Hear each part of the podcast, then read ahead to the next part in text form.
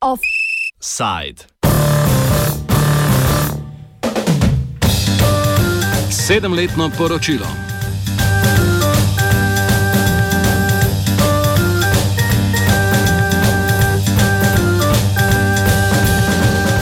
Politična elita Velike Britanije je bila v zadnjih tednih deležna precej težkih udarcev.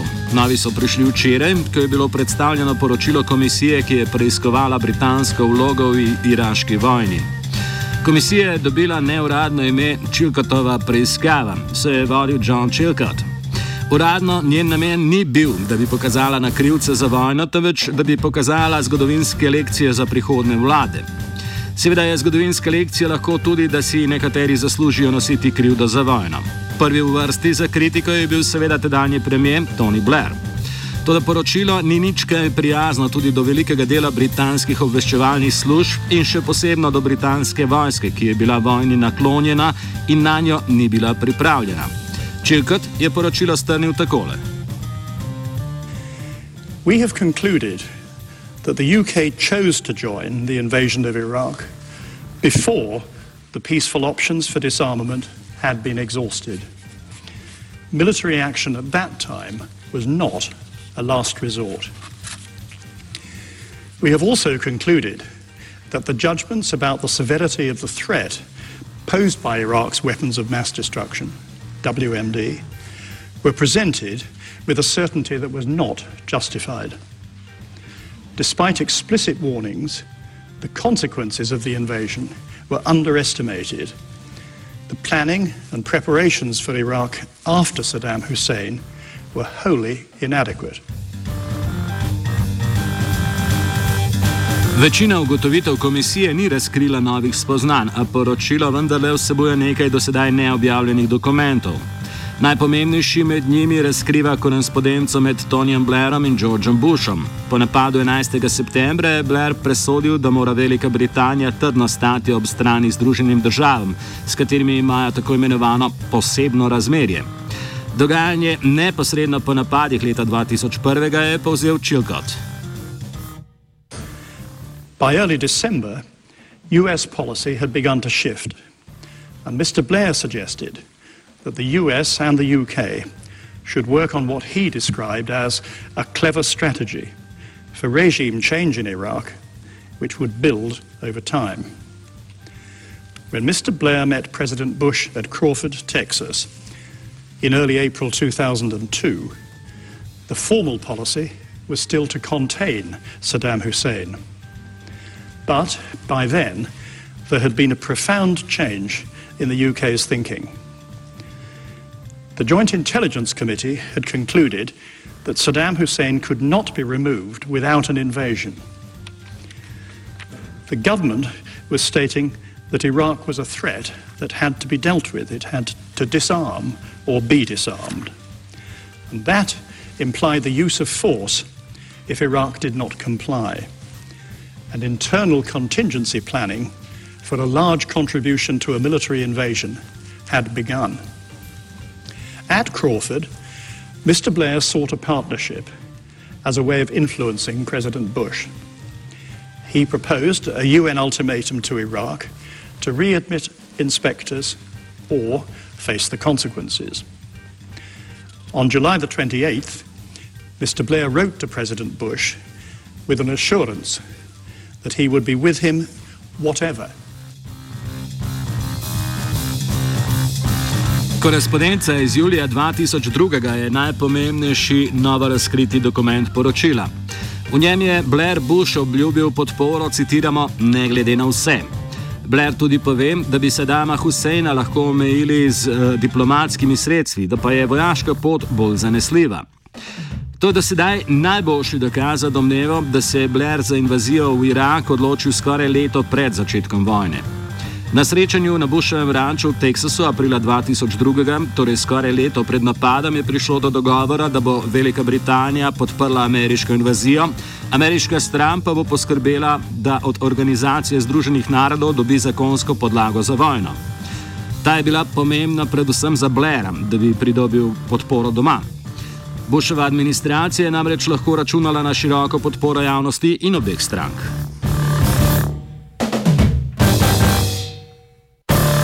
Tem se je začela približno pol leta trajajoča diplomatska invazija proti Sadamu Huseinu in njegovemu domnevnemu programu kemijskega orožja. Novembra leta 2002 je bila sprejeta resolucija 1441, na podlagi katere so v Irak prišli mednarodni inšpektori, ki jih je vodil Hans Blix. A iz poročila Čilkotove komisije je razvidno, da se je Blair že predtem zavezal ameriški časovnici. Američ, ameriška vojska je namreč invazijo hotela izvesti še pred začetkom poletne vročine. Vlada je zato iskala hitrejši način, kako pridobiti legalno podlago za vojno, kar je drugo področje, glede katerega je komisija še posebno kritična.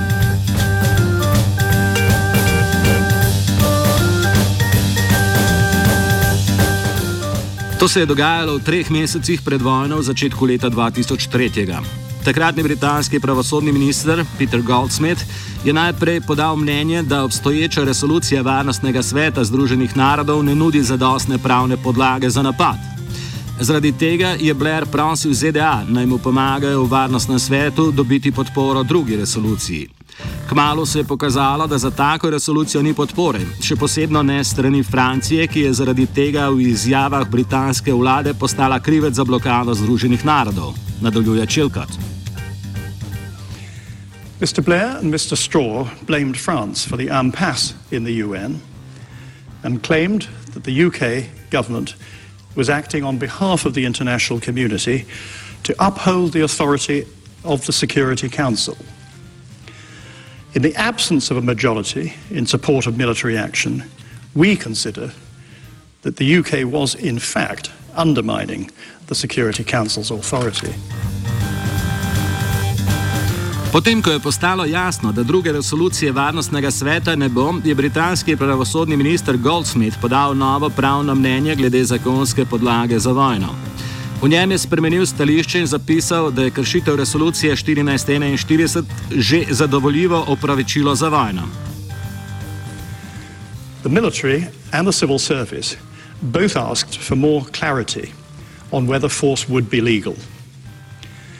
Lord Goldsmith then advised that the better view was that there was, on balance, a secure legal basis for military action without a further Security Council resolution. On March the 14th, he asked Mr. Blair to confirm that Iraq had committed further material breaches as specified in Resolution 1441. Mr. Blair did so the next day. However, the precise basis on which Mr. Blair made that decision is not clear. Given the gravity of the decision, Lord Goldsmith should have been asked to provide written advice explaining how in the absence of a majority in the Security Council, Mr. Blair could take that decision. Mnenje Goldsmitha pa je imelo pravno veljavo zgolj v Veliki Britaniji, ne pa tudi v kontekstu mednarodnega prava, pojasnjuje Vasilka Sancin z pravne fakultete v Ljubljani neko angliško notranja, notranji razmislek je bil upravljen, pa čemer velja povdariti, ne, da za razlago resoluciji Varnostnega sveta je pristojen Varnostni svet in Varnostni svet v istem času, kot iz tega poročila izhaja, ne, očitno ni bil pripravljen za avtorizacijo uporabe sile.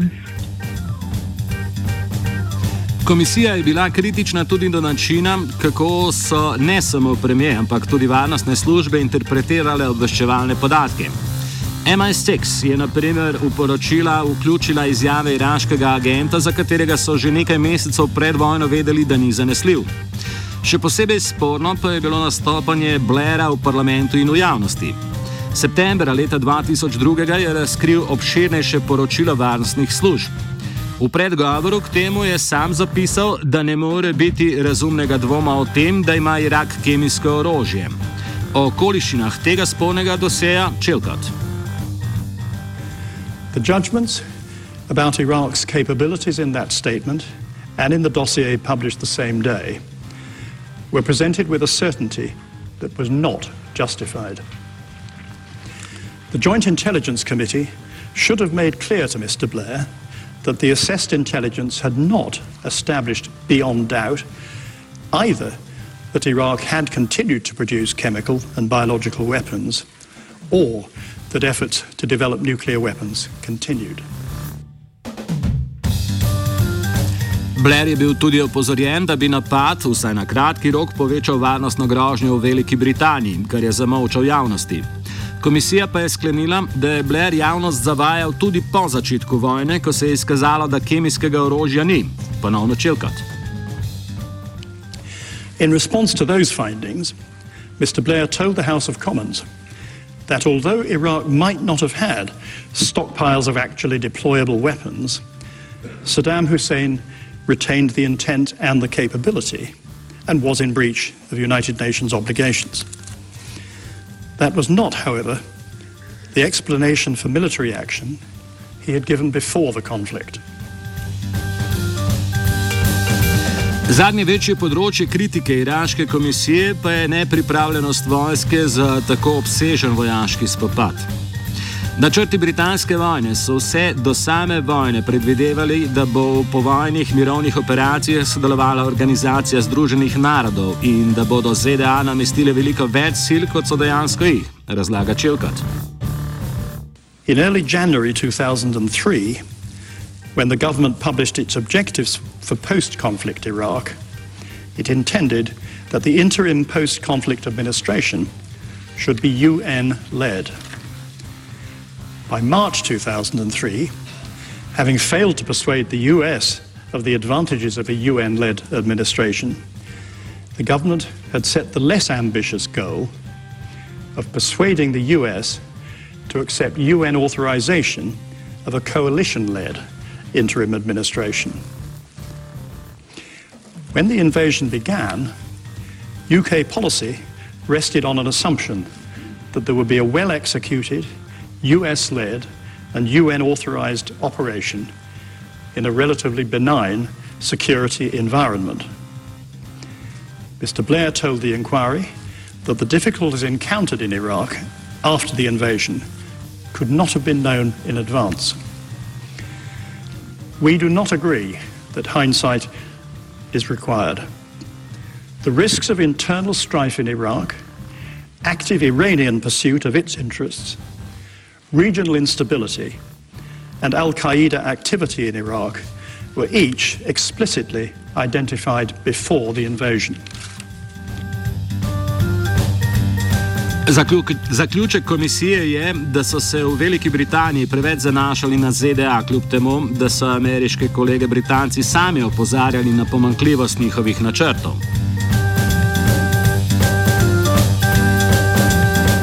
Morda najbolj problematična zapuščina začetka iraške vojne je, da vojne kljub velikemu nasprotovanju voljivcev in držav ni bilo mogoče ustaviti.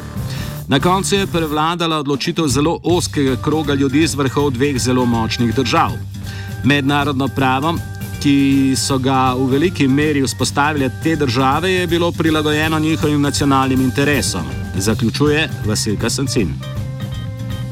Lejte, v varnostnem svetu vemo, je pet stalnih članic. Ne? In uh, te pet stalnih članic uh, morajo enako kot vse ostale države spoštovati mednarodno pravo. Nažalost pa na področju ne, mednarodne skupnosti nimamo neke osrednje uh, izvršilne oblasti, ki bi lahko katerokoli državo ne, prisilila k spoštovanju, če ga ta eklatantno očitno krši, kot je bilo to v tem primeru invazije na Irak. In zato, kolikor bodo ne, tudi v prihodnosti upletene te države ne, v to vrstne odločitve prave neke sankcije na mednarodno pravnem področju žal ni. Offset je pripravil Gal.